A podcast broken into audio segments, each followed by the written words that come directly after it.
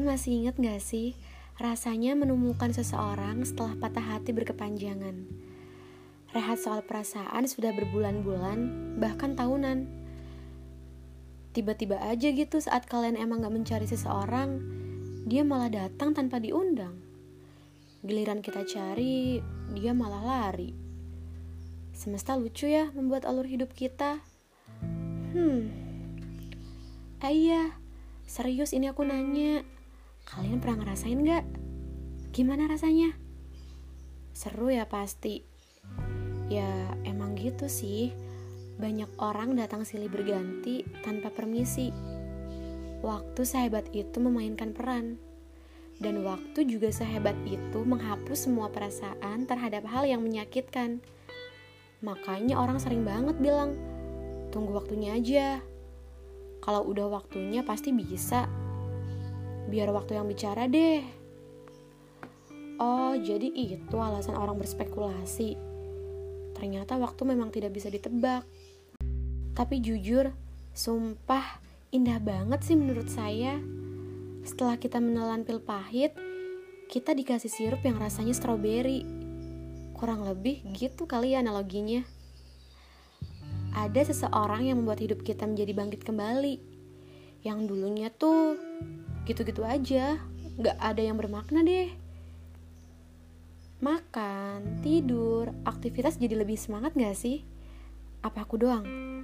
Gak mungkin ah, ini kan udah alamiah banget deh kayaknya. Eh tapi iya sih seriusan, seru gitu. Ada yang bisa diajak tukar pikiran, ada yang perhatian, Serunya ada tempat untuk kita pulang. Saya boleh cerita nggak? Dikit aja deh. Sharing gitu. Ini jujur sih. Jadi dulu tuh saya sering banget patah hati. Meskipun ada kekasih, tapi ya gitu. Namanya aja menyatukan dua hati. Ada aja sisi disakiti dan menyakiti.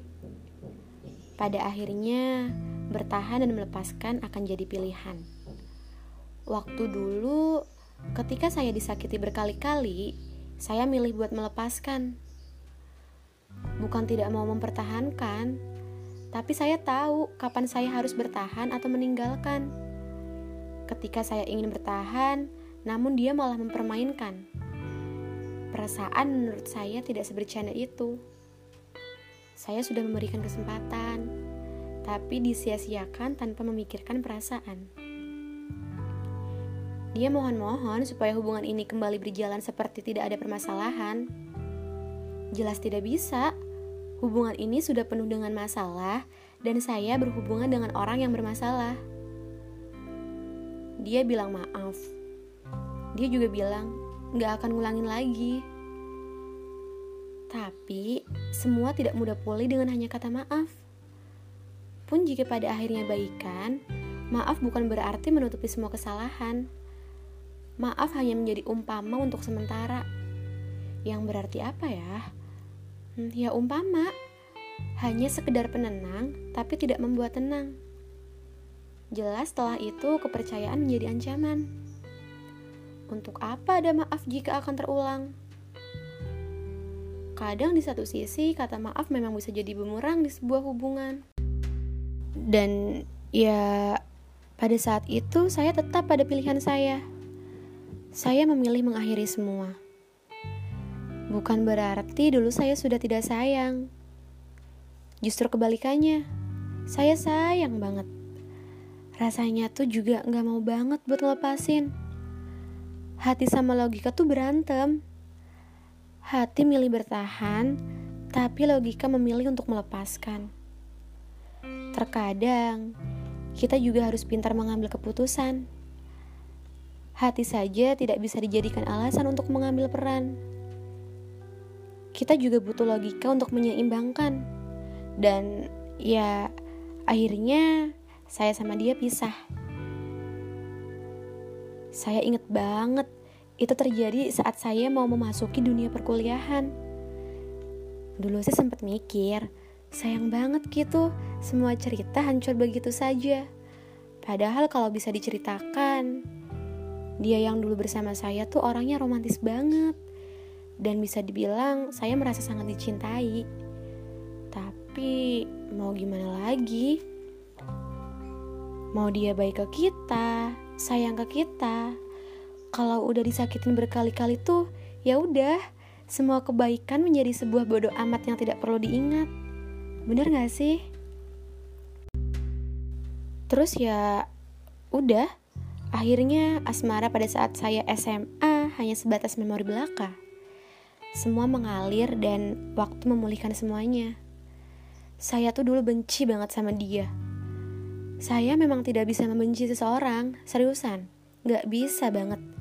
Tapi gak tahu kenapa perasaan saya tuh setiap ketemu dia atau dapat chat dari dia tuh rasanya uh, kesel banget gitu. Gak tahu kenapa. Padahal saya sudah memaafkan dan tidak ada dendam sama sekali. Logika saya juga biasa aja. Tapi hati saya menolak. Memang benar sih, hati tidak selalu bisa diajak kompromi. Dan kalau boleh saya lanjutkan ceritanya, dia juga masih beberapa kali menghubungi saya. Tapi tidak masalah, saya sekarang sudah biasa saja. Singkat cerita memasuki dunia perkuliahan juga semua menyelaraskan semua hal yang sempat tidak waras. Hati dan pikiran saya kembali menemukan titik pertemuan, titik pertukaran. Bisa dibilang, saya merehatkan hati setelah patah hati itu lumayan lama berapa ya eh, satu tahun dua tahun hampir dua tahun bukan berarti trauma bukan. Apalagi dibilang kedok masih cinta. Enggak sama sekali. Jelas saya orang tuh yang apa ya orangnya tuh nggak mudah banget buat jatuh hati. Jadi setelah patah hati saya memilih untuk memulihkan diri saya kembali.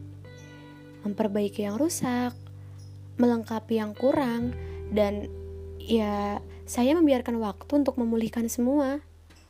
Semua sakit saya nikmati, kecewa dan rasa yang masih ada juga saya habiskan semua. Dan saya tidak tuh memaksa diri saya untuk sembuh. Paksaan itu tidak baik. Semua orang punya waktunya sendiri untuk utuh. Jangan hati belum sembuh malah cari sosok baru dengan alasan untuk mengobati. Menurut saya, itu tidak berlaku. Kalian hanya akan menyakiti salah satu di antara kalian nantinya. Nikmati saja sisa-sisa rasa yang masih ada. Toh, nanti juga waktu akan meluruhkan semua.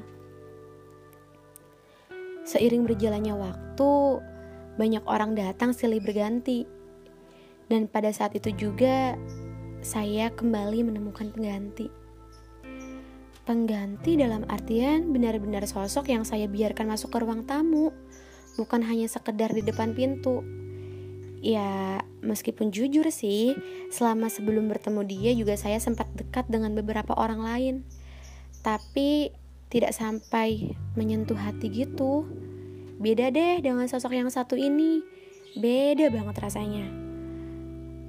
Dia kasih tahu nggak ya? Hmm apa-apa deh kalau misalkan dia dengar ini ya udah nggak apa-apa ternyata dia itu senior saya di fakultas. Atau simpelnya dia itu temennya senior saya yang satu organisasi sama saya. Paham gak sih? Ya gitulah pokoknya. Saya tidak akan menceritakan sih alur seperti apa kita menjalani masa pendekatan. Selain privacy itu juga makan waktu lama kayaknya. Satu minggu juga gak akan kelar.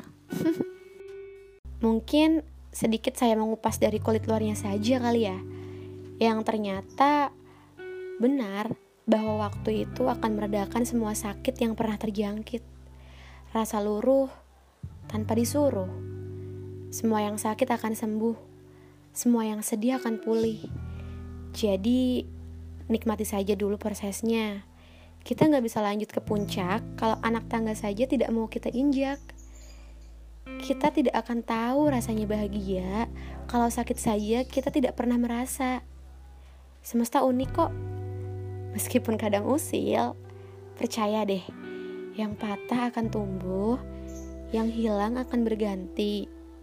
Dan Sebuah titik pertemuan akan selalu jadi alasan untuk semua orang menemukan kebahagiaan.